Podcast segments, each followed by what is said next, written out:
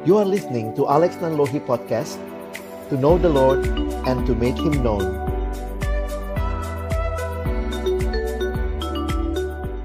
Malam hari ini pembicara kita telah bergabung bersama-sama dengan kita. Mari kita sambut bersama Bapak Alexander Nanlohi. Selamat malam Bapak.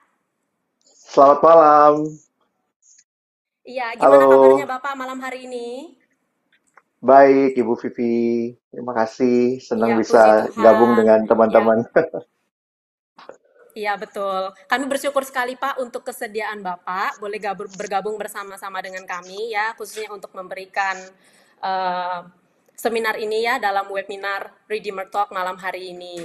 Nah, Bapak mungkin sekarang saya perkenalkan dulu Bapak untuk teman-teman ya supaya mereka juga kenal Bapak. Oke, Jadi teman-teman, eh, Pak Alex nama lengkapnya adalah Bapak Alexander Agus Elias Nanlohi. Panjang ya teman-teman ya. Tapi beliau dikenal dengan Bang Alex. Nah, Bang Alex eh, saat ini sampai sekarang ya masih melayani dengan setia di Perkantas di Jakarta. Dan ini sangat ya mengagumkan sekali karena beliau sudah ber, eh, join ya sudah bergabung dari tahun 1998. Betul ya Pak Alex ya?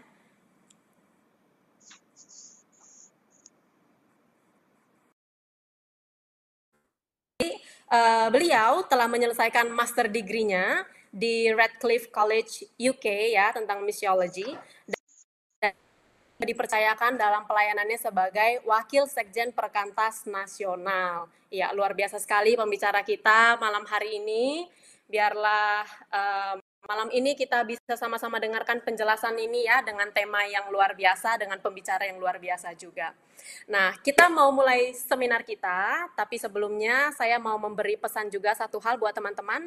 Eh, bagi teman-teman, kami sangat mengapresiasi sekali kalau teman-teman mau memberikan pertanyaan yang berkaitan dengan topik ini. Jadi kalau teman-teman punya pertanyaan, boleh silahkan ya tuliskan pertanyaannya di kolom komentar video ini. Nanti akan ada tim penyaring yang memilih pertanyaan untuk diresponi di sesi tanya jawab. Oke, tanpa berlama-lama lagi, mari kita langsung dengarkan saja ya pemaparan dari Bang Alex. Kami persilahkan Pak. Iya, terima kasih. Bersyukur buat kesempatan yang indah ini. Kita sama-sama ingin melihat satu bagian yang menjadi pergumulan saya juga dan juga dalam pelayanan bertemu dengan beberapa orang yang sharing tentang eh, biasanya saya dipanggil abang atau kakak gitu ya. Kak Alex, saya punya pergumulan, kenapa sulit sekali saya lepas dari dosa? Jadi misalnya ada teman-teman yang bergumul dengan kebiasaan-kebiasaan yang selama ini begitu eh, membelenggu. Sementara di sisi lain saya juga bertemu dengan teman-teman yang bergumul dengan kehidupan rohani yang rasanya kok jadi bosen ya. Jadi kayak mekanis gitu ya. Setiap hari bangun saat teduh, lalu kemudian melakukan aktivitas dan kemudian jadi bertanya gitu ya, eh, sebenarnya apa sih yang terjadi dengan kehidupan saya begitu. Nah, dalam pergumulan inilah saya pikir tema ini akan saya coba eh, berikan sebagai satu bagian yang kita pikirkan bersama, kita renungkan bersama apa yang sebenarnya eh, secara khusus kalau kita mau mengatakan apa sih yang terjadi begitu ya. Bagaimana kita bisa melihat lebih dalam terhadap apa yang kita alami. Nah, sebelumnya saya ajak kita berdoa terlebih dahulu.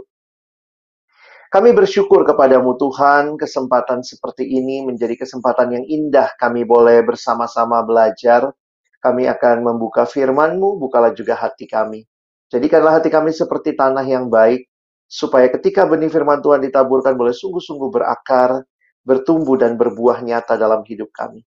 Kami menyerahkan waktu ke depan dalam nama Tuhan Yesus kami berdoa. Amin. Ya, saya menyiapkan uh, slide buat kita malam hari ini. Jadi ini juga yang nanti akan uh, saya ajak kita pikirkan begitu ya.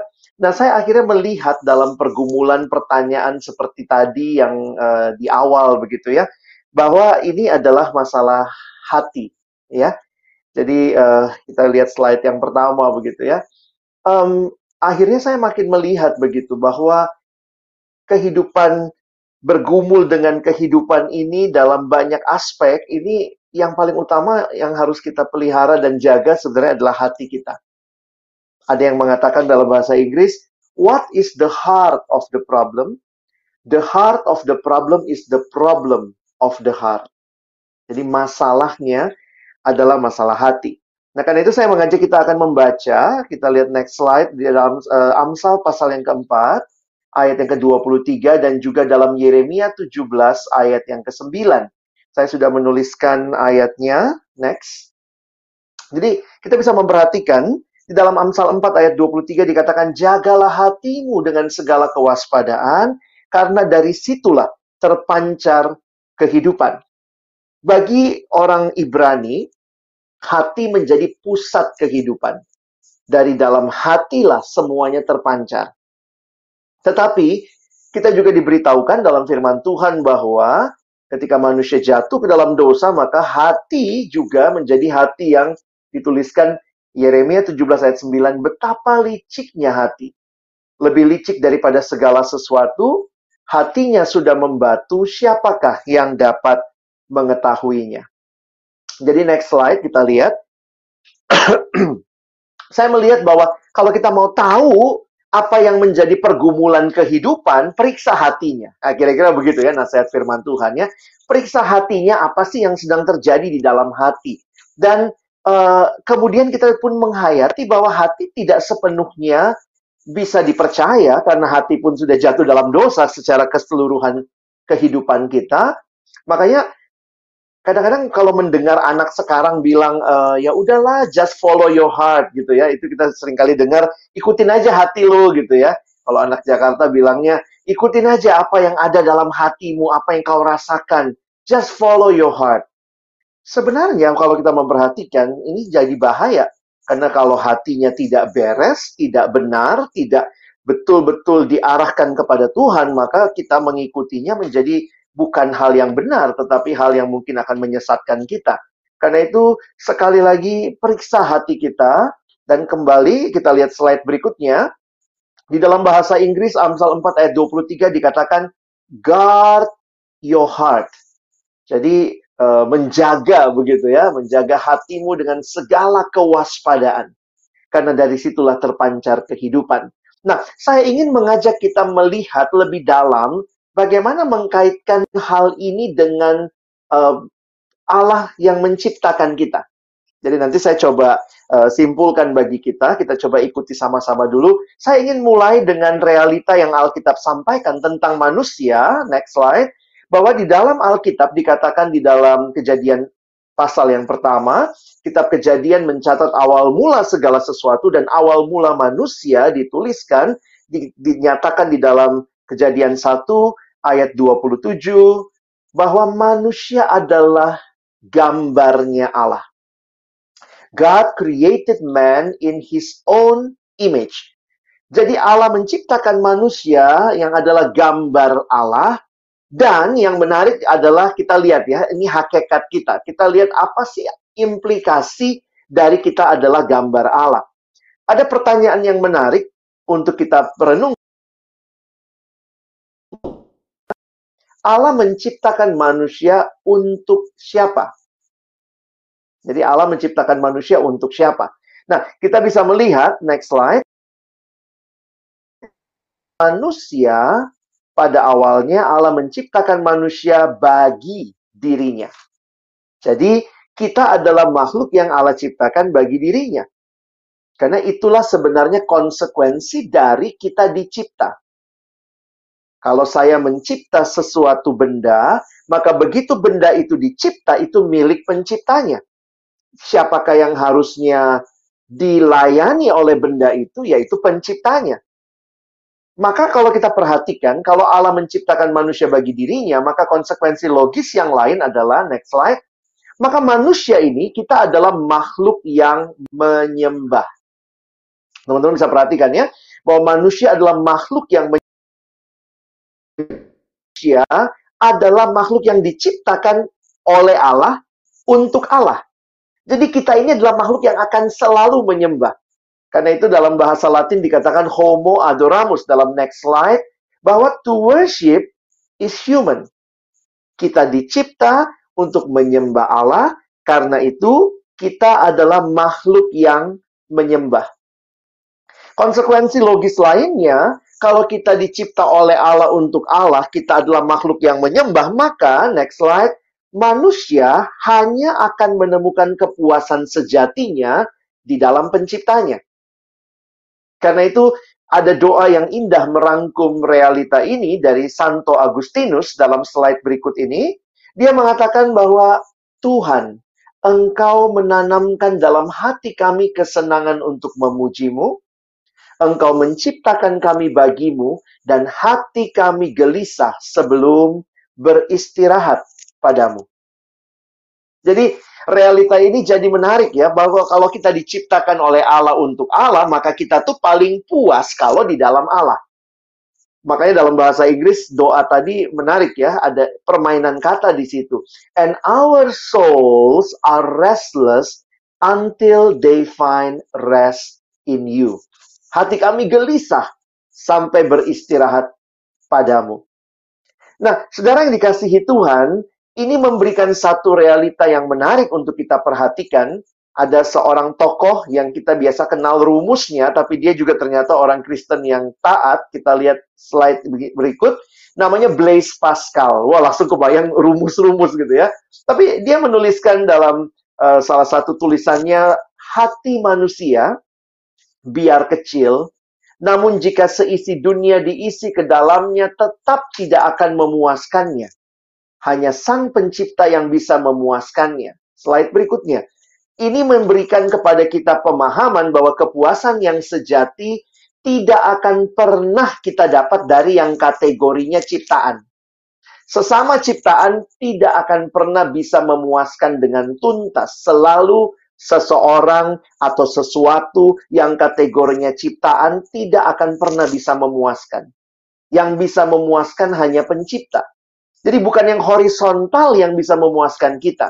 Tetapi Allah, ya kalau kita pakai gambaran yang vertikal inilah pribadi yang bisa memuaskan kita karena memang kita dicipta olehnya untuk dia. Nah, jadi teman-teman, ini menarik untuk kita perhatikan sama-sama. Kalau manusia adalah makhluk yang menyembah, saya langsung ingat ada satu film kartun. Kalau teman-teman seneng kartun, saya kadang seneng lihat kartun. Lalu ada um, kartun Minion. Mungkin masih ingat ya minion yang kecil-kecil kuning itu. Nah, minion ini sebenarnya adalah uh, gambaran yang menarik tentang uh, doktrin manusia yang Alkitab sampaikan.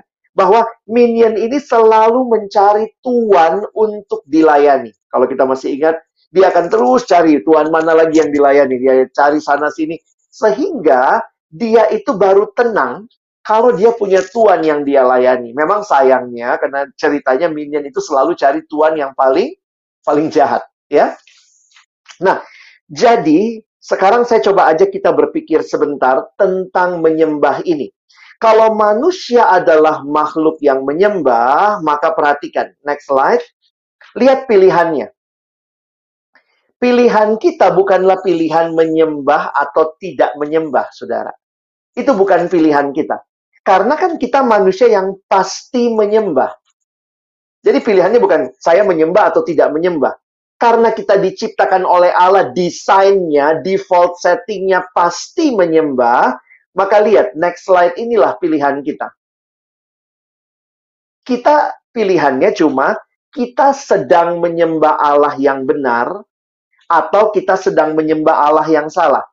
Jadi sekali lagi ini konsekuensi dari kita adalah makhluk yang dicipta oleh Allah bagi dirinya, makanya kita adalah makhluk yang menyembah. Pilihan dalam hidup, teman-teman dan saya tidak pernah bisa memilih tidak menyembah. Karena itu bukan pilihan. Yang terjadi adalah kita sedang menyembah Allah yang benar, atau kita sedang menyembah Allah yang salah. Karena itu slide berikut ini dan pemahaman kepada kita bahwa siapa pun atau apa pun yang sedang menggantikan sebagai yang terutama di dalam hidup kita itu disebut sebagai berhala. Saya ulangi ya, bahwa siapa pun atau apa pun yang menggantikan posisi Allah sebagai yang itu disebut sebagai berhala. Nah, Karena itu teman-teman, lihat. Apa artinya memiliki berhala? Berhala ini bukan sekadar kita bicara jimat-jimat, kita punya pegangan, patung-patung. Bukan hanya itu, tetapi berhala itu adalah semua yang bukan Allah yang sedang kita sembah. Kita lihat slide berikutnya ya. Kita dikatakan memiliki berhala jika kita mengambil sesuatu dari alam ciptaan, lalu mulai menyembahnya, mengasihi, melayani, dan memperoleh makna darinya, dibanding daripada Allah yang sejati. Makanya memang menarik ya, ada kalimat yang pernah menyatakan begini, apa sih saingan terberatnya Allah? Lalu kemudian dijawab, salah satu atau salah satu saingan terberatnya Allah adalah berkatnya sendiri. Karena banyak orang akhirnya begitu fokus kepada berkat Tuhan dan lupa kepada Tuhannya sang pemberi berkat. Dan bayangkan ketika berkat Allah dijadikan Allah, maka kita sedang memberhalakan sesuatu. Nah, menarik sekali untuk memperhatikan bahwa berhala ini bisa datang dari hal yang baik. Nah, kita lihat slide berikut ya. Nah, ini menarik nih untuk kita diskusikan. Berhala itu bisa berarti mengubah sesuatu yang baik menjadi yang terutama. Uang baik nggak? Oh baik, uang baik. Tetapi ketika yang baik dijadikan terutama, karena terutama itu sebenarnya posisinya Allah.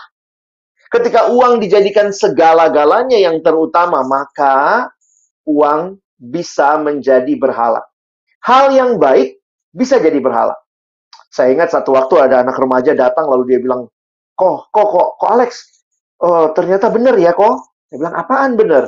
Akar segala kejahatan adalah uang. Dia mengutip 1 Timotius 6 ya, akar segala kejahatan adalah uang kok. Saya bilang, nah makanya kalau baca Alkitab tuh baik-baik ya. Kalimat di Alkitab, akar segala kejahatan adalah cinta akan uang. Bukan uangnya, tapi cinta uangnya. Ketika menempatkan cinta yang terutama kepada uang, nah itu masalahnya. Jadi saya bilang sama dia ya, kalau kamu nggak suka uangnya kasih saya ya. Masih banyak pelayanan yang perlu didukung begitu ya. Jadi banyak orang uh, terjebak menjadikan hal yang baik jadi yang utama. Orang tua baik, oh baik. Tetapi ketika kita menjadikan orang tua yang paling utama, orang tua adalah uh, jadi Tuhan atas hidup kita, salah. Jadi hati-hati ya, pacar bisa jadi berhala, Oh bisa. Semua kategori yang baik ketika dijadikan utama itu bisa jadi berhala. Jadi akhirnya kerinduannya, keinginannya hanya memuaskan apa yang pacarnya mau. Saya pernah lihat ada tulisannya anak remaja bikin status waktu itu saya lupa di Facebook atau apa ya. Pacar yang baik titik dua mengikuti semua uh, perintahnya menjauhi semua larangannya. Wah, itu pacar apa Tuhan gitu ya. Jadi memang menarik nih untuk memperhatikan ketika manusia diciptakan oleh Allah, saya ulangi lagi ya, diciptakan oleh Allah, kita menyembah Allah, maka kita akan selalu menyembah karena kita menyembah Allah yang benar, berarti kita sedang menyembah yang bukan Allah. Tidak heran kalau kita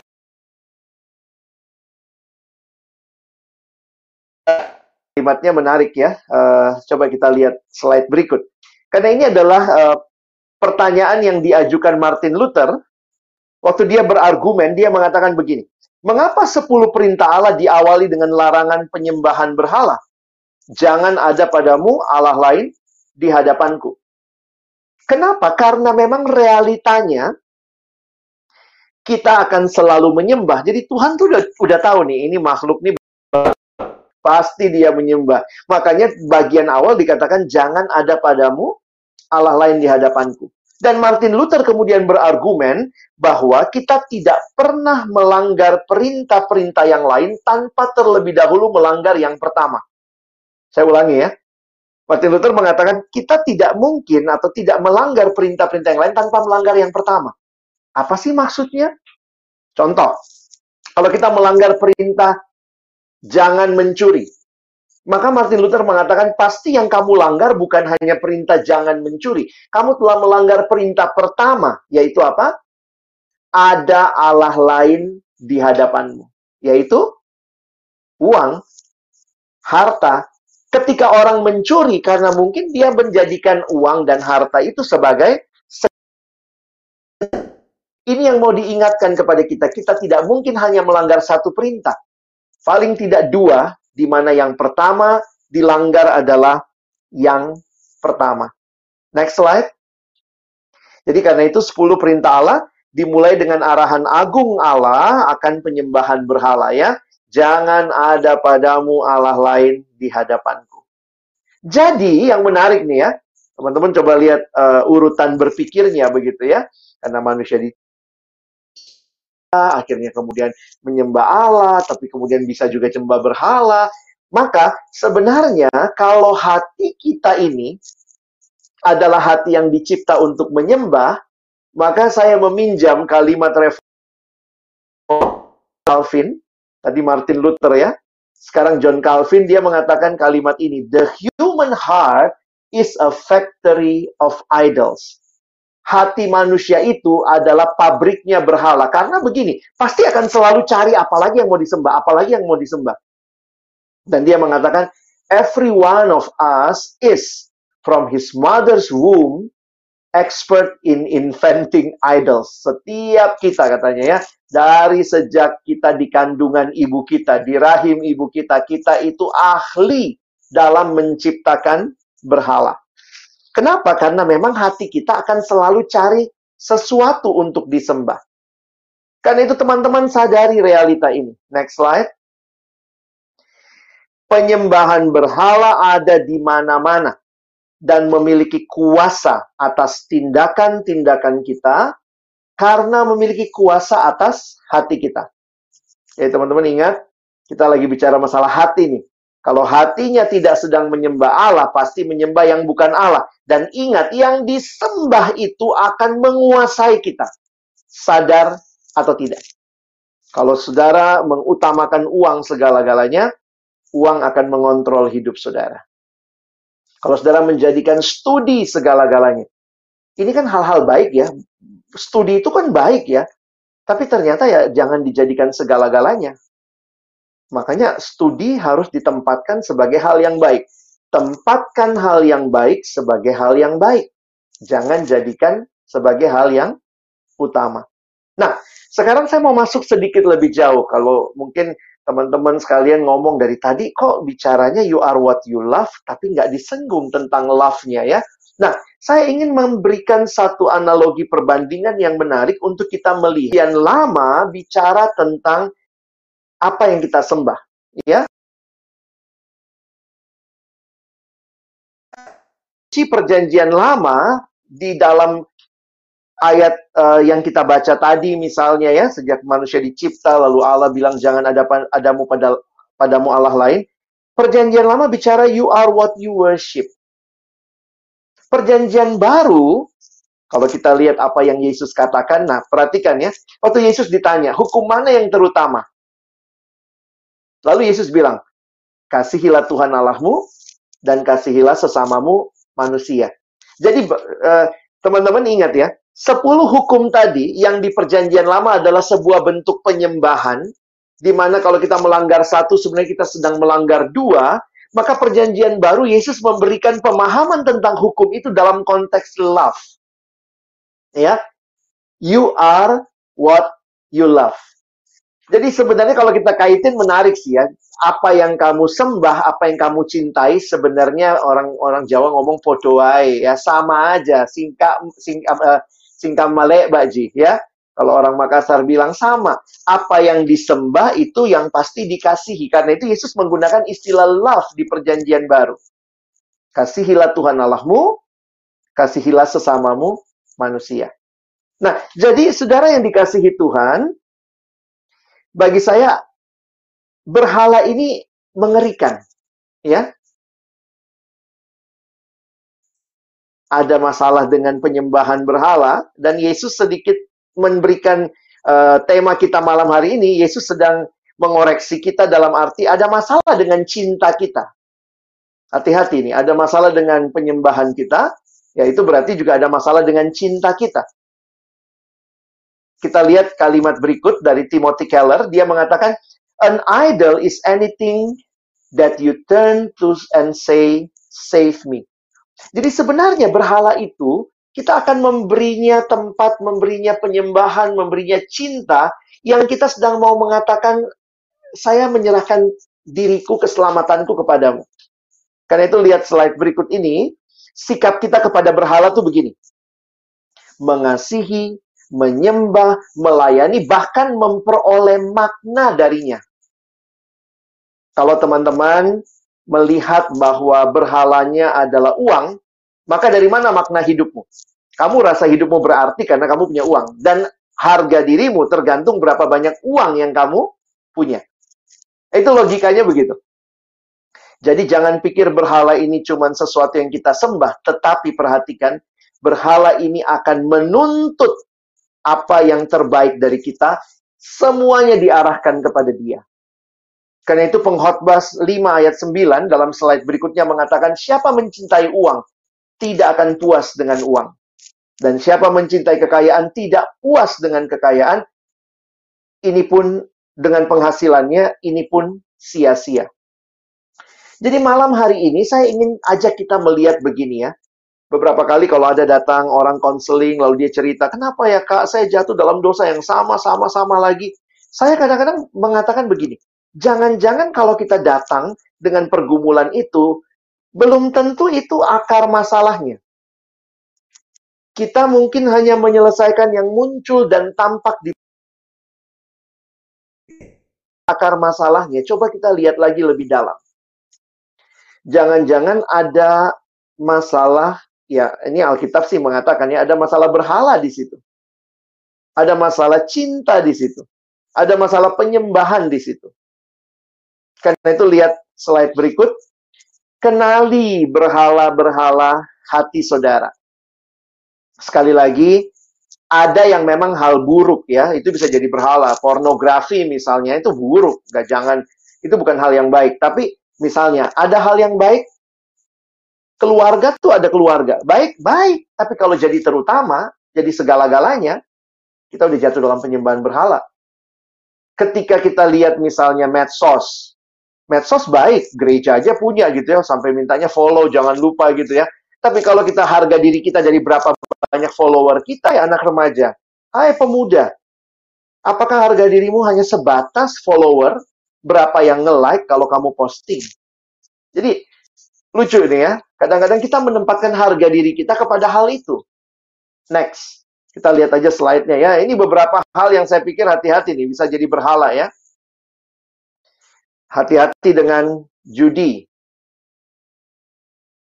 Karena ada yang bilang boleh nggak minum? Ya boleh tergantung konteksnya apa. Tapi ketika itu jadi segala-galanya, apa-apa minum terus gitu ya. Nah, ini ada hal yang baik, ada hal yang buruk memang. Yang baik ini harus kita tempatkan sebagai hal yang baik. Ya. Next, ini hal yang baik tapi bisa juga nih membelenggu kita. Ya, HP kita. Wah, apa-apa ngecek HP ya. Katanya ini smartphone, tapi jangan-jangan ini jadi goblok phone juga buat kita ya. Have a smartphone but not smart di slide berikutnya ya. Banyak orang justru dengan HP yang canggih itu dia jatuh dalam dosa karena HP yang canggih bisa simpan apa gambar-gambar dan seterusnya, bisa di password, di lock begitu. Itu nggak salah, tapi HP jadi segala-galanya. HP dipakai untuk menyenangkan kepuasan diri kita. Jadi masalah. Next. Nah, hati-hati juga ya. Ini belanja. Kita tentu semua pernah belanja ya. Tapi ketika belanja jadi harga diri kita, belanja jadi segala-galanya, apa-apa maunya belanja terus. Hati-hati. Nah, ini yang banyak nih. Next ya. Ayo, pecinta drakor. Kayaknya susah banget berhenti ya. Nonton terus-menerus. Tentu nonton drama Korea nggak salah ya. Tapi ketika itu jadi segalanya, kita menempatkan harga diri kita. Kalau misalnya teman kita, kamu udah nonton nggak yang uh, episode ini? Oh, saya dong sudah. Kayaknya harga diri kita naik hanya karena kita sudah nonton itu. Lalu kemudian kadang-kadang kalau sudah masuk sampai feeling kita juga dipengaruhi oleh dramanya. Jadi kadang-kadang jadi lucu juga gitu ya. Kalau orang Makassar bilang, kenapa kok koro-korowang gitu ya? Iya, itu pacarnya si Anu di film Korea putus dia. Loh, dia yang putus, kita yang kita yang ini ya, jadi jadi uring-uringan begitu. Next slide ya, saya nggak uh, ya saya nggak nonton semua ya, ini nggak tahu nih ya, teman-teman bisa lihat. Next lagi, lewatin lah ini drama-drama yang sekarang disukai. Next. Nah, game online juga ya. Jadi jangan cuma berpikir oh yang drama Korea ya. Game online juga bisa jadi sesuatu yang menyita begitu rupa. Baca Alkitab 5 menit ngantuknya cepat sekali. Tapi main game online disuruh-suruh berhenti, udah 5 jam nggak ada saat capeknya gitu ya. Jadi kita mesti pikir-pikir juga ini ya. Next lagi. Nah, dalam masa pandemi ini juga banyak yang jatuh dalam pornografi. Karena dan gampang sekali dan ini jadi hal-hal yang perlu kita waspadai ya. Next lagi kita lihat ya bagaimana orang terpengaruh dengan uh, sekarang gambaran yang ditampilkan, seks yang bebas, LGBT, sex before marriage yang kayaknya free sex is okay gitu ya. Kalau nggak ikut kayaknya masa anak sekarang tapi nggak punya kehidupan yang bebas begitu ya. Kita lagi bulan kemerdekaan nih, semua bicara bebas-bebas, tapi bebas yang semacam apa? Ya, Next slide. Kita lihat uh, kalimat dari Rebecca Manley Pippert ini ya. Dia mengatakan apa pun yang mengendalikan hidup kita disebut Tuhan kita. Saya senang dengan cara dia menggambarkan bahwa berhala itu jangan kita pikir adalah pilihan kita, tapi memang awalnya pilihan kita, kelihatannya saya memilih, saya mau memakai uang saya seperti apa, tapi waktu kita kemudian menjadikan itu segala-galanya, dia akan menjadi tuan atas hidup kita. Karena itu perhatikan, Alkitab dengan sangat jelas mengatakan tentang perhambaan dosa. Bayangkan dosa dipersonifikasi, digambarkan seperti tuan yang mengendalikan. Ya, pakai kalimatnya saya lanjutkan. Orang yang mencari kekuasaan dikendalikan oleh kekuasaan, kekuasaan jadi tuan. Orang mencari penerimaan dikendalikan oleh orang-orang yang ingin dia senangkan. Kita tidak bisa mengendalikan hidup kita sendiri. Kita dikendalikan oleh Tuhan atas hidup kita. Wah, ini kalimatnya dalam sekali ya. Sadar apa tidak, kita itu selalu ada Tuhan yang sedang me bukan memperbudak lah ya. Ya, sedang sedang menguasai kita. Dan itu sangat klop dengan prinsip tadi karena kita adalah makhluk yang menyembah dan selalu akan menyembah, maka pasti ada Tuhan yang sedang menguasai kita. Sadar atau tidak. Nah, pertanyaannya Tuhan yang mana? Kalau Tuannya adalah Kristus, yang perhambaannya itu adalah kemerdekaan. Yesus mengatakan kalau anak itu memerdekakan kamu, kamu benar-benar merdeka. Menjadi hamba Kristus itu bukanlah perbudakan seperti perbudakan dosa tetapi menjadi hamba Kristus adalah satu realita di mana kita dibebaskan. Tetapi menjadi hamba dosa, upahnya maut. Tadi kita sudah ngomong hati, kita ngomong penyembahan, kita ngomong cinta. Satu buku yang saya baca, saya uh, pelajari dan juga yang menjadi sebenarnya tema yang saya angkat malam hari ini. Judul bukunya sama seperti judul Bagi saya menarik, dia menggabungkan ketiga hal ini. Lihat di slide berikutnya ya, ada heart-nya, ada worship-nya, dan juga ada love-nya. You need to curate your heart you need to worship well because you are what you love and you worship what you love. Kita perlu menata hati kita. Kita perlu menyembah dengan baik.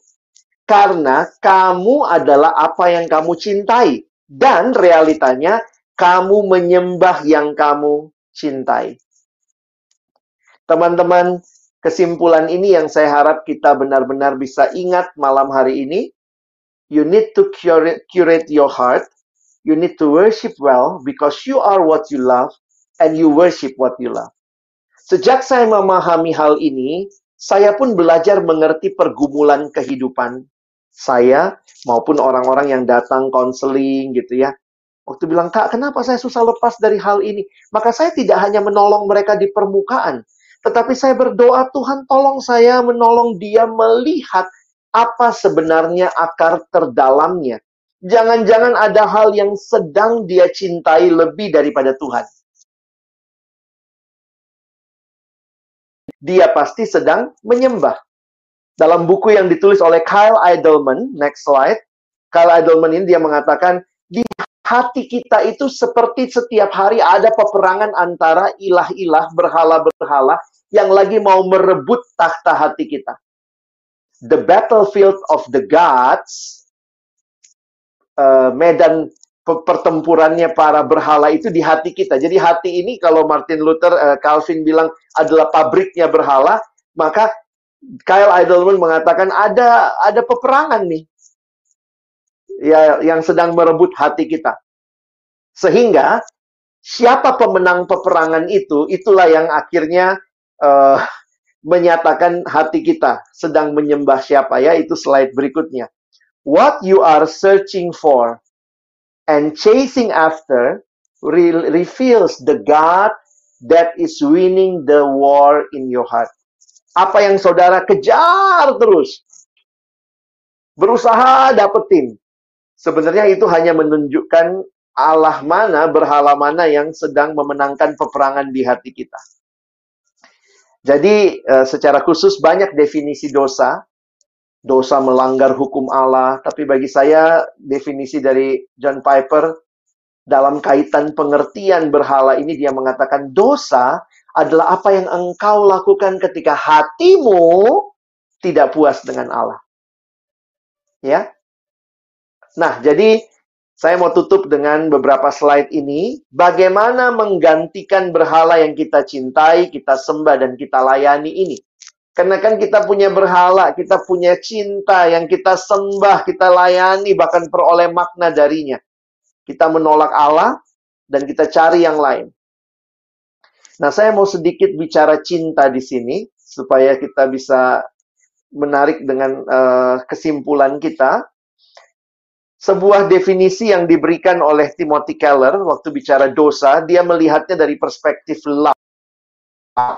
Dosa lebih dari sekadar melanggar perintah Allah, tapi dosa juga adalah menyakiti hati Allah. Teman-teman, sejak perjanjian lama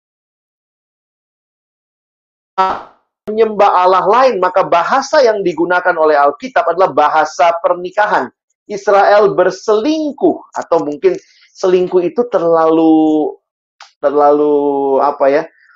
manis ya, langsung dikatakan Israel bersinah. Ya, nah lihat kalimat berikut. Teman-teman bisa lihat dalam Hosea 1 ayat 2 dikatakan umatku seper, sama seperti istrimu itu, mereka tidak setia atau terjemahan e, baru mengatakan bersundal hebat kepadaku dan meninggalkan aku. Dan di dalam Hakim-Hakim pasal 2 ayat 12, dikatakan mereka meninggalkan Tuhan Allah nenek moyang mereka yang telah membawa mereka keluar dari tanah Mesir lalu mengikuti Allah lain dari antara Allah bangsa-bangsa di sekeliling mereka dan sujud menyembah kepadanya sehingga dikatakan mereka menyakiti hati Tuhan. Teman-teman, kalau hidup adalah masalah cinta, kalau hidup adalah masalah menyembah, maka ketika kita tidak sedang menyembah Allah, kita menyembah berhala, kita bukan hanya sedang menyembah berhala semata-mata, melanggar hukum semata-mata, tetapi Alkitab mengatakan kita sedang menyakiti hati Allah. Karena itu next, di mana engkau taruh cintamu? Apakah engkau sedang mencintai Yesus? Atau engkau sedang mencintai berhala? Dan kalau engkau mencintai berhala, itu berarti engkau sedang menyakiti hati Allah. Di mana engkau taruh cintamu? Ketika orang yang datang dalam pergumulan dosa, dan saya juga mengalami ketika pernah terjebak dalam dosa yang begitu dalam, akhirnya saya menyadari ya, masalah utamanya adalah masalah cinta saya. Sedang saya taruh di mana? dan itu diselesaikan bukan dengan cinta kita kepada Allah. Next. Kita maunya ngomongnya gitu ya, I love Jesus. Oh, saya mau cinta Yesus selamanya. Tapi Alkitab mengatakan kepada kita satu Yohanes pasal yang keempat, bukan kita yang mengasihi Allah.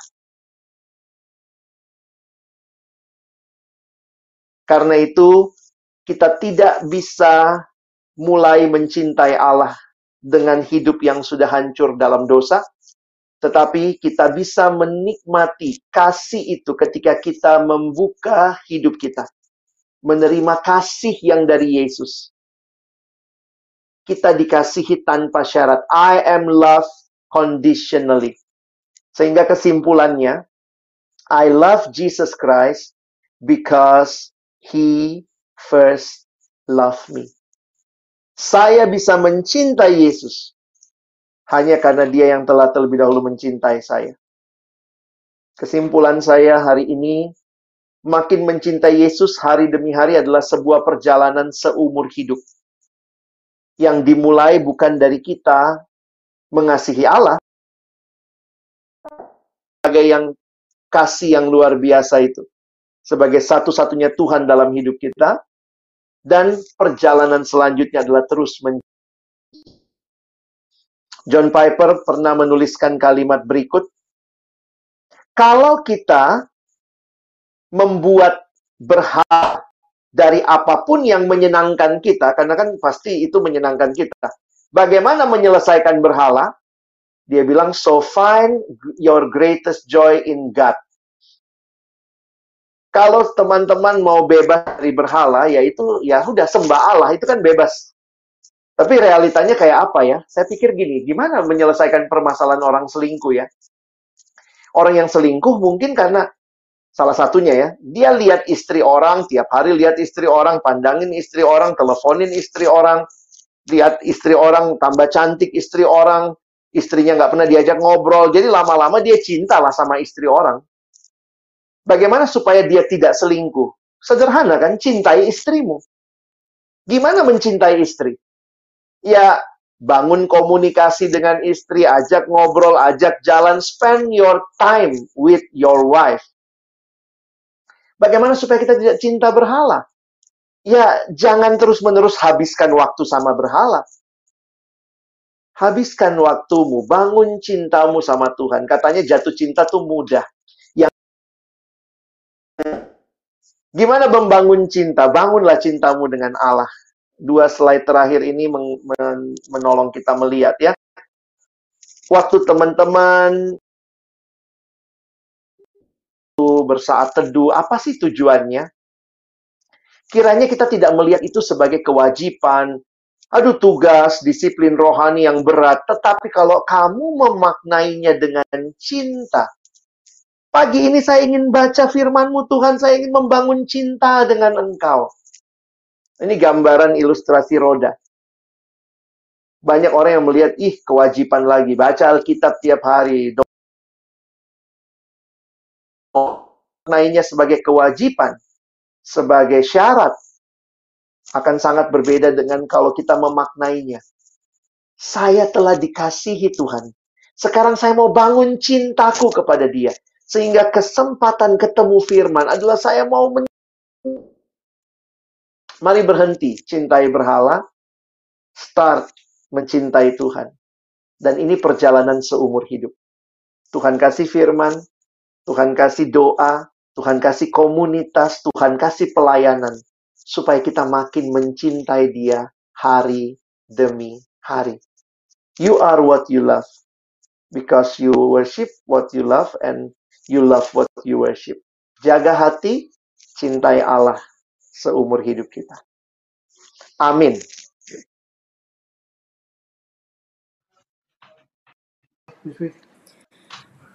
Iya, baik. Terima kasih sekali, Pak, untuk penjelasannya. Wah, luar biasa sekali. Memang ini Bang Alex ya, terkenal sekali dengan penjelasannya. Uh, karena Bang Alex selalu memilih kata-kata yang mudah dia. Makanya Bang Alex juga sering uh, dipanggil untuk pelayanan siswa, karena siswa-siswa juga gampang memahaminya. Dan tentunya materinya tetap padat berisi luar biasa, Pak. Ada dua hal yang saya dapat dari apa yang Bapak sampaikan. Ya, yang pertama tentang bahaya dari berhala itu sendiri ya. Karena berhala juga memiliki kuasa dalam hati kita ya itu sangat berbahaya sekali dan itu menyadarkan saya dan mengingatkan saya pribadi juga. Kemudian poin yang kedua adalah pertanyaan refleksi Bapak yang sangat menguatkan ya, membuat kami berpikir kembali di mana kita uh, menaruh cinta kita. Apakah itu kepada Tuhan atau pada hal-hal yang lain. Terima kasih banyak Pak untuk penyampaian seminarnya. Dan uh, mungkin sekarang kita akan masuk ke sesi tanya jawab ya Pak ya. Namun sebelumnya, saya mau sampaikan kepada teman-teman sekalian yang masih ingin memberikan pertanyaan, silahkan kami masih membuka untuk pertanyaan yang mau disampaikan. Ketik saja di live chat dari video ini ya teman-teman. Oke, kita akan masuk ke pertanyaannya Pak. Bapak sudah siap? Ya. Saya mendengar suaranya agak putus-putus, jadi ya mungkin saya langsung baca. Oke. Iya, benar. Ini sudah ditayangkan. Oke, okay. bagaimana okay. kita mengenal ala Pak. Jadi Iya, betul. Jadi begini Pak, mungkin saya jelaskan sedikit. Kan tadi Bapak sebut bahwa berhala adalah uh, mengubah yang baik menjadi yang terutama. Nah, sekarang kontekstualnya kita hidup di dunia ini, kita melihat segala sesuatu sepertinya memang dikasihi terlalu berlebih, tapi kita tidak sadar kalau itu sudah jadi yang terutama bagi kita. Nah, bagaimana kita mengenali Allah-Allah palsu ini? Padahal budaya di tempat kita menganggap itu sesuatu yang biasa. Silakan, Pak. Iya, uh, saya melihat pentingnya kita terus punya relasi dengan Tuhan. Dan itu akan membuat kita melihat hal-hal apa yang sudah terlanjur jauh, sudah kita kita nikmati begitu ya. Dan itu membutuhkan evaluasi yang rutin, apa refleksi diri yang rutin dan penting sekali bagi saya lihat peran komunitas. Mereka orang-orang yang Tuhan hadirkan di sekitar kita untuk menolong kita. Kita udah kelewatan nih. Jadi kita perlu juga komunitas gereja Tuhan yang akan menolong untuk kita juga bisa aware terhadap hal-hal seperti itu. Lalu mungkin mungkin gini kali ya buat orang-orang muda, teman-teman ya banyak slogan-slogan yang perlu kita pikirkan ulang. Jadi hati-hati ya kayak ikutin kata hatimu. Harusnya kan bukan ikuti kata hatimu, ikuti apa kata firman. Begitu ya. Kalau hati kita pengen benci, pokoknya saya mau benci sama dia, ikutin hatimu, benci sama dia. Loh, kita harusnya bukan hati kita yang kita jadikan standar. Patokannya adalah firman Tuhan. Terus budaya-budaya yang ada di sekitar kita tentang uh, apa ya, mungkin tentang uang, tentang kesuksesan. Saya pikir eh, tema-tema yang harusnya kita gali, kita sama-sama refleksi adalah hal-hal itu harusnya memang jujur aja kadang kita nggak nggak sadar. Kadang kita nggak sadar butuh orang lain mungkin menyadarkan kita atau firman yang kita baca saya ingat kalimat ini ya. Ikan itu kayaknya nggak nggak ada yang sadar kalau dia amis ya. Ikan tuh nggak ada yang sadar dia amis baunya gitu ya. Jadi memang kalau kita udah kelamaan dalam sebuah budaya yang mungkin itu ternyata salah belum tentu kita sadar. Mungkin ada orang lain yang Tuhan pakai menyadarkan kita. Kira-kira begitu. Iya, Pak. Terima kasih sekali untuk jawabannya. Sangat jelas buat kami, Pak. Dan pertanyaan yang kedua, ini juga berkaitan dengan pertanyaan yang pertama, namun ini lebih ke hati secara pribadi ya. Bagaimana nih Pak, kita mengenali ya. bahwa hati kita ternyata sudah berpusat, uh, tidak berpusat kepada Allah? Ya, sebenarnya kan uh, ya jujur aja saya harus katakan ini pengantar ya. Kalau teman-teman mau lebih dalam bisa baca buku uh, You Are What You Love. Dia memberikan dua hal bahwa sebenarnya semua penyembahan, jadi penyembahan itu semua pasti di dalamnya ada liturgi. Nah, itu dia masuk ada liturgi. Lalu kemudian yang kedua ada sebuah uh, apa ya? Ada semacam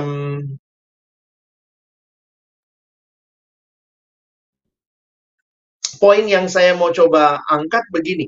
uh,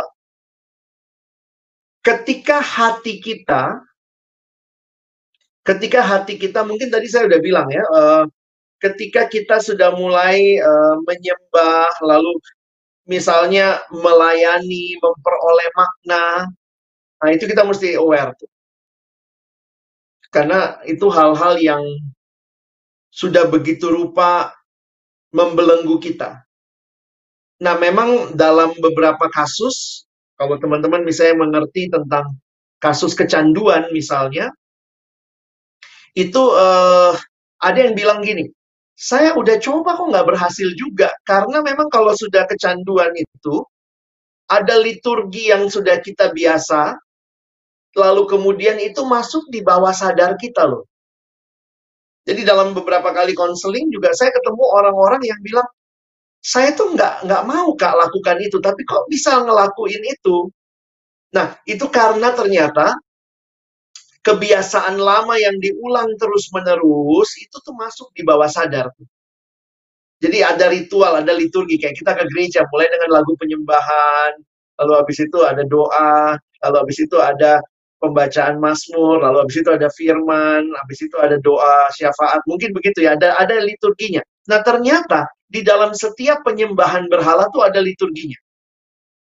Nah, mungkin penjelasan singkat saya begini ya.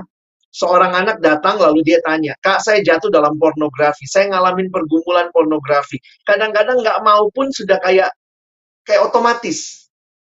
Nah, saya tanya pertanyaan sama dia waktu dia tanya gitu ya. Saya tanya, pertanyaan saya menarik gini. Kamu jatuhnya jam berapa? Dia kaget loh, kok nanya jam? Karena kalau teori itu benar, ada liturginya. Terus dia baru sadar, iya juga ya kak. Saya baru sadar loh kak, saya kadang-kadang jatuhnya itu sekitar siang jam 3. Nah saya bilang oke, okay, kalau bukan cuma waktu, coba lihat, ada nggak situasi yang membuat kamu jatuh? Terus dia cerita, iya kak, saya biasanya kalau kosan sepi, kalau biasanya pulang kampus, kosan sepi, saya lakukan nonton pornografi, masturbasi, lalu jadi itu ada liturginya. Dan itu jadi habit. Sehingga beberapa teman yang sudah masuk dalam habit itu uh, jujur aja ya kita harus mengerti bahwa mengenali itu bisa jadi itu bukan lagi jadi satu apa ya itu udah jadi kebiasaan yang otomatis dia bilang saya waktu saya tanya kan kamu di kamar ngapain enggak sih nggak ngapa-ngapain tapi tiba-tiba aja kelintas Nah, jadi akhirnya saya melihat kita mesti memutuskan memutuskan hal itu dan itu membutuhkan pemahaman untuk membangun kebiasaan baru. Makanya saya setuju kalau pemuridan itu menjadi sarana membangun ulang penyembahan kita dan menata lagi hidup yang berkenan kepada Tuhan. Jadi kalau ditanya bagaimana mengenali hati tidak berpusat, uh, saya menjawab seperti ini untuk memberikan gambaran kepada teman-teman. Belum tentu kamu sadar, kan kamu sudah merasa itu sesuatu yang tidak bisa kamu kontrol karena udah sangat biasa, tapi itu bisa ketahuan kok. Tentu kalau kamu punya orang lain pembimbing rohani akan bisa melihat oh ini ini udah kerja kamu udah udah dalam nih jatuhnya. Kira-kira seperti itu sih. Sorry saya nggak bisa jawab spesifik tapi kira-kira gambarannya begitu ya. Ya, baik Pak. Itu sudah menjawab juga Pak. Terima kasih Pak. Dan sama-sama setuju juga bahwa memang pemuritan ini uh, sangat penting ya Pak supaya setiap orang juga kedetek dan saling mengingatkan begitu. Betul. Kalau misalnya ada dari antara anggota dari pemuritan itu ada yang menyeleweng, masih ada orang lain yang bisa bantu ingatkan. Terima kasih Pak Wah. untuk jawabannya. Iya. Nah, pertanyaan berikutnya Pak, ini uh, dari teman-teman ada hal tentang mencintai Tuhan. Di bagian lain ada tentang takut akan Tuhan. Nah, bagaimana membalance-nya antara mencintai Tuhan dan takut akan Tuhan? Silakan, Pak. Iya, terima kasih. Di dalam Alkitab, istilah takut akan Tuhan bukan seperti kita bicara ketakutan. Memang agak beda ya, karena walaupun istilah yang dipakai bahasa Inggris juga fear of the Lord, tapi fear of the Lord itu bicara ada awesome-nya di situ. Jadi sebenarnya ketundukan karena kagum. Mungkin itulah gambaran yang saya pahami tentang takut akan Tuhan. Jadi takut Tuhan itu bukan ketakutan lihat Tuhan. Tetapi saya tunduk karena saya sangat oh, sangat mengagumi Allah. Karena pribadinya. Jadi bagi saya sebenarnya tidak bertentangan. Jadi kan uh, hal mencintai Tuhan, uh, takut akan Tuhan, itu semua sebenarnya bicara kita bangun kepada Tuhan yang menciptakan kita dan yang juga memberikan kepada kita uh, kehidupan.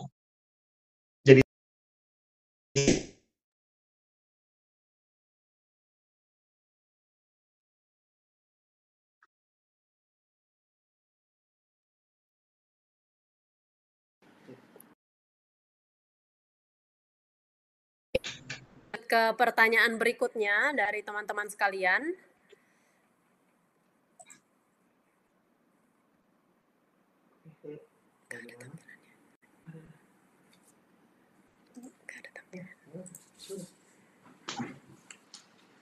Ya, internet saya di sini agak bermasalah, Pak. Jadi, ya, Uh, bagaimana kita dapat membantu secara praktis Sorry, saya untuk pemuda-pemudi yang ingin melepaskan diri dari berhalanya, Pak? Kami persilakan, Pak.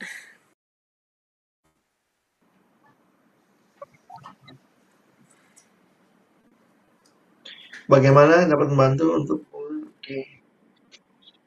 um, nasihat yang diberikan oleh oleh uh, buku itu yang tadi saya bilang ya karena dia melihat setiap kecanduan jadi kan sebenarnya kita makhluk yang menyembah setiap penyembahan melibatkan cinta.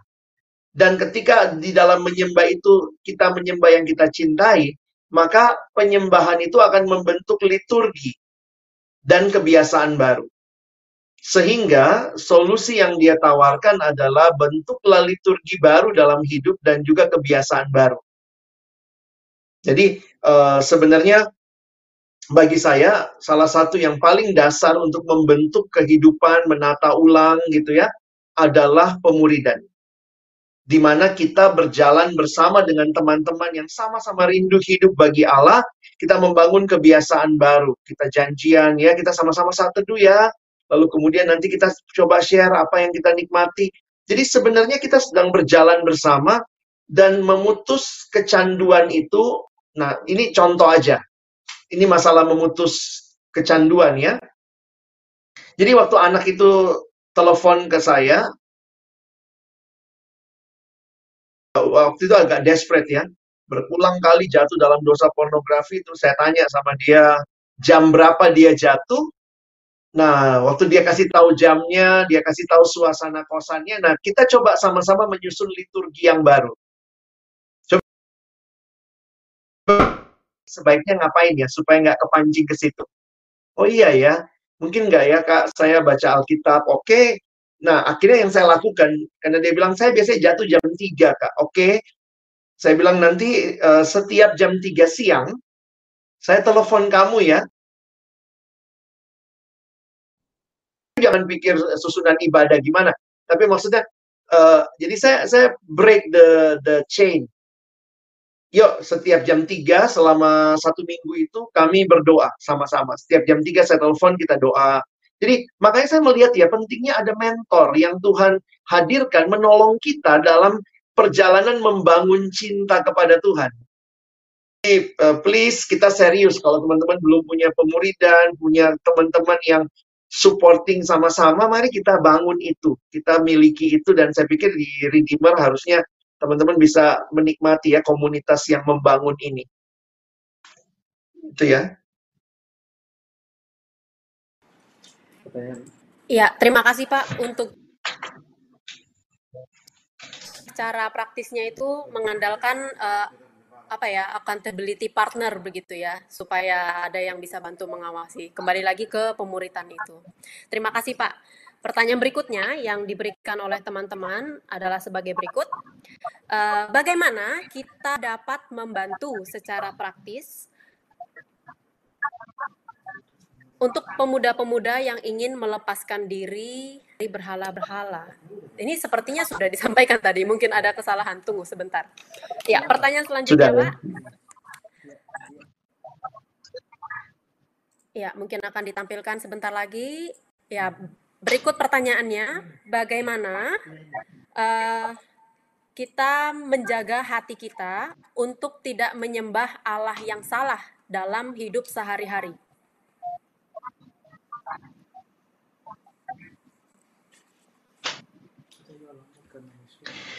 Iya, eh, ini ini jadi perjuangan seumur hidup kali ya. Mencintai Tuhan itu sebuah perjalanan seumur hidup. Kenapa? Karena memang eh, selalu banyak sekali hal baik di sekitar kita. Dan ingat tadi ya, hal baik itu pun bisa jadi berhala. Nah, makanya perlulah ya kita punya kebiasaan yang baik kali ya untuk merefleksikan diri, melihat. Nah, salah satu memang yang paling sederhana begini ya, mungkin perlu sesi lanjutan lagi ya, mengenali berhala, karena itu ada sesinya lagi gitu ya. Ada empat berhala utama sebenarnya.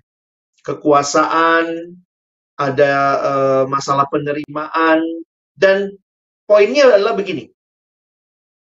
Bagaimana mengetahui apa yang jadi berhala kita? lihatlah apa yang menjadi mimpi buruk kita. Karena apa yang sangat menjadi mimpi buruk kita sebenarnya menggambarkan apa yang menjadi berhala di dalam hati kita yang terdalam. Nah, misalnya, saya paling takut tuh kalau ditolak oleh teman. Ada orang yang berhalanya penerimaan, makanya dia paling takut tuh ditolak. Mimpi buruknya itu jangan sampai ditolak. Sehingga dia akan melakukan apa pun supaya menyenangkan orang lain. Nah, jadi poinnya bagi saya begini. Bagaimana untuk tidak menyembah Allah yang salah? Kenali dulu apa saja yang kira-kira menjadi Allah-Allah yang menguasai berhala-berhala yang menguasai hati kita. Dan mungkin itu nanti ya teman-teman akan bisa ketolong tuh. Jadi poinnya gini kan. Kalau kita tahu sakit apa, baru tahu obatnya apa. Jangan langsung minum obat kalau nggak tahu sakitnya apa.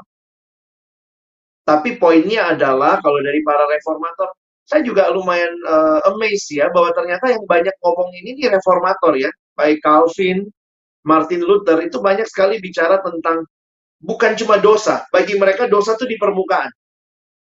Poinnya, jangan cuma selesaikan permukaannya, cari akarnya dan akarnya itu menurut mereka adalah berhala. Jadi poinnya adalah berhala itu masalah cinta, masalah menyembah. Nah, itu yang mesti dibereskan sebelum kita bicara jangan sampai menyembah Allah yang salah. Tapi poinnya adalah hati-hati semua bisa jadi berhala. Mungkin juga yang kedua begini kali ya tambahan. Coba lihat kita paling banyak ngabisin waktunya di mana. Walaupun itu nggak otomatis kan.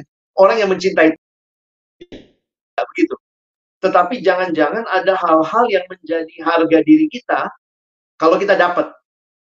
Ada orang yang merasa harga diri dia dapat uang yang banyak sehingga hari Minggu pun uh, kerja hari pokoknya setiap hari kerja sampai malam begitu ya nggak peduli kesehatan kenapa buat dia yang berharga tuh bukan kesehatan tapi uang misalnya nah jadi waktu yang kita pakai ambisi-ambisi kita sebenarnya itu menunjukkan apa berhala yang menguasai hati kita nah jadi itu ya kalau kita nggak bisa lihat, mungkin orang lain bisa lihat. Suami kita, istri kita, anak kita, teman kita.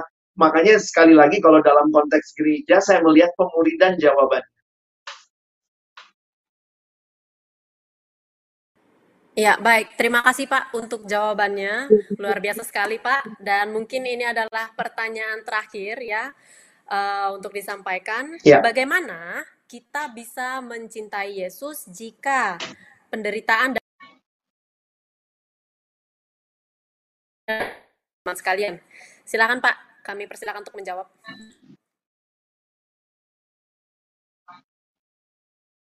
Oke.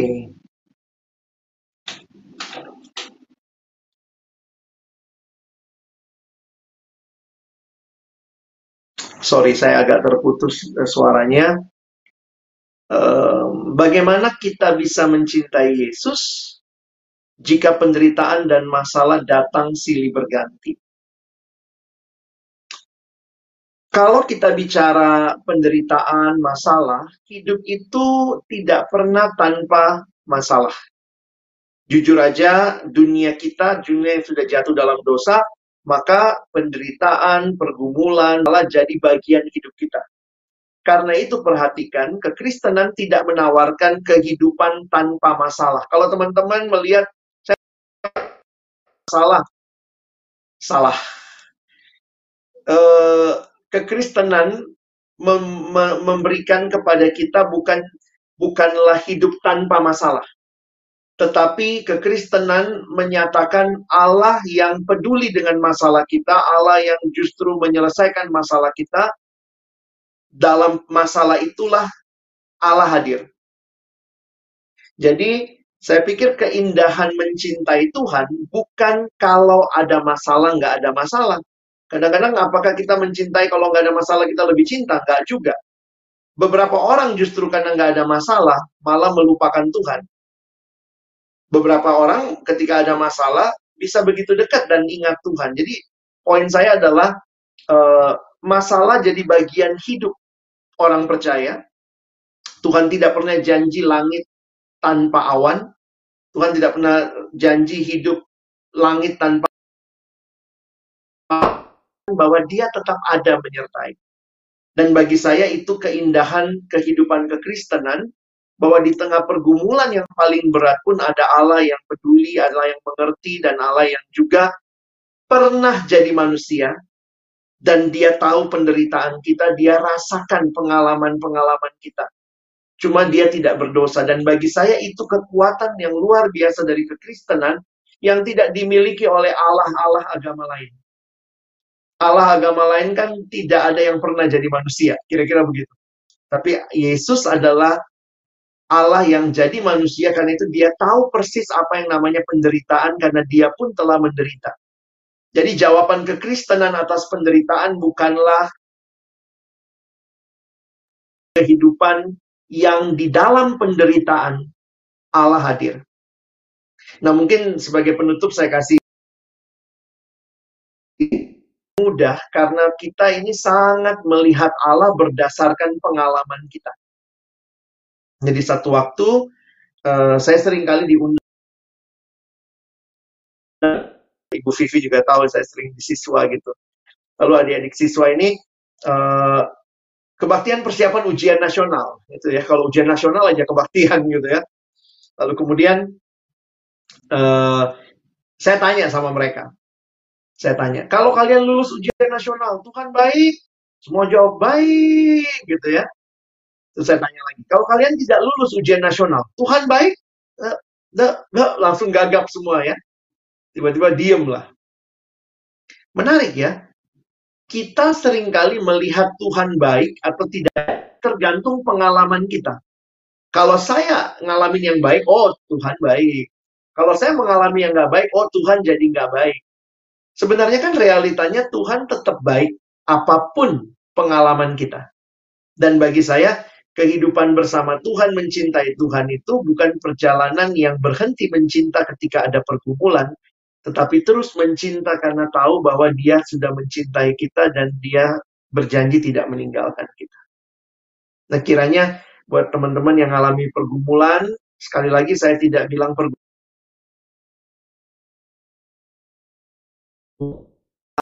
yang tahu pergumulanmu, dia sudah datang dan dia juga pernah menderita, memberikan kepada kita pengharapan bahwa ada keindahan di balik semua pergumulan yang terjadi. Thank you. Baik. Luar biasa merupakan ya jawaban terakhir yang sangat menguatkan dan menghibur ya bahwa Allah selalu senantiasa ada bahkan dalam penderitaan kita dan itu bukan menjadi halangan untuk kita mencintai Allah kita. Baik Pak, sebagai penutupnya kalau boleh kami sekali lagi uh, minta untuk Pak Alex menyampaikan mungkin ya sepatah dua tiga menit begitu untuk uh, menegaskan hal-hal yang penting buat kami dan kalau boleh juga sekaligus untuk Pak Alex tutup di dalam doa. Baik, makasih Bu. Um, saya hanya mengingatkan lagi apa yang kita bahas malam ini. Tiga hal yang dikaitkan bersama, yaitu mengenai hati, mengenai penyembahan, dan mengenai cinta. Kalimat yang saya kutip dari buku James K. S. Smith mengatakan, because uh, you need to worship well. Uh, you need to curate your heart. You need to worship well and you worship what you love. Dalam hidup, menyembah, mencintai teman-teman sekalian yang mendengar, boleh terus mengarahkan kehidupan kita kepada Allah. Yang saya renungkan, berhala-berhala itu tidak pernah memuaskan. Berhala-berhala itu tidak pernah mati bagi saya. Bahkan berhala-berhala itu mematikan saya. Tetapi saya punya Tuhan. Dan Tuhanku yang meminta penyembahanku adalah Tuhan yang bahkan mati bagiku. Dan itu jadi pengharapan. Dalam dia ada sukacita, ada damai sejahtera. Menyembah Tuhan, mencintai Tuhan, karena dia sudah mencintai kita lebih dulu. Berhala-berhala tidak pandang kita yang sejati karena mereka pun tidak memberikan apa-apa buat kita. Dia hanya menyedot hidup kita, mengambil fokus kita dan akhirnya membinasakan kita. Kiranya dalam hidup yang cuma satu kali ini, kita bangun cinta yang sungguh-sungguh kepada Allah. Mari kita berdoa. Tuhan terima kasih banyak buat cintamu bagi kami. Sehingga malam pun kami bisa belajar juga melihat kepada diri kami, kepada desire kami yang terdalam, hati kami. Seperti kata Amsal dari dalam hati itulah terpancar kehidupan. Karena itu kami mohon biarlah kalau hati kami mencintai Tuhan, menyembah Engkau, maka dari hidup yang mencintai Tuhan lahir tindakan-tindakan yang benar-benar bagi kemuliaan. Kami tahu ini semua tidak mudah, tapi terima kasih Tuhan berikan rohmu yang kudus. Hidup kami, mengarahkan penyembahan kami, mengarahkan cinta kami Terima kasih kau berikan firman-Mu yang hari ke hari bisa kami baca dan renungkan. Dan terima kasih engkau memberikan komunitas yang di dalamnya kami boleh saling membangun, saling mengingatkan, saling bertumbuh. Di dalam membangun cinta kami kepadamu. Kiranya Tuhan menolong kami, bukan cuma jadi pendengar-pendengar firman, tapi jadi pelaku firman dalam hidup kami.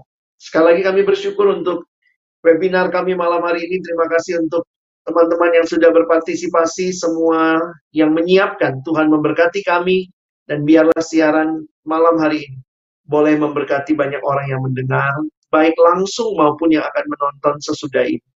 Sekali lagi kami bersyukur. Kami punya Allah yang mengasihi kami, yang memberikan semuanya bagi kami. Kami bersyukur, berterima kasih dalam nama Yesus. Amin. Amin. Ya, terima kasih sekali Pak. Uh, sekali lagi kami dari tim Redeemer Community mengucapkan terima kasih ya untuk Bapak Alex untuk Sama. setiap materinya dan biarlah Tuhan boleh terus pakai Bapak dalam setiap bidang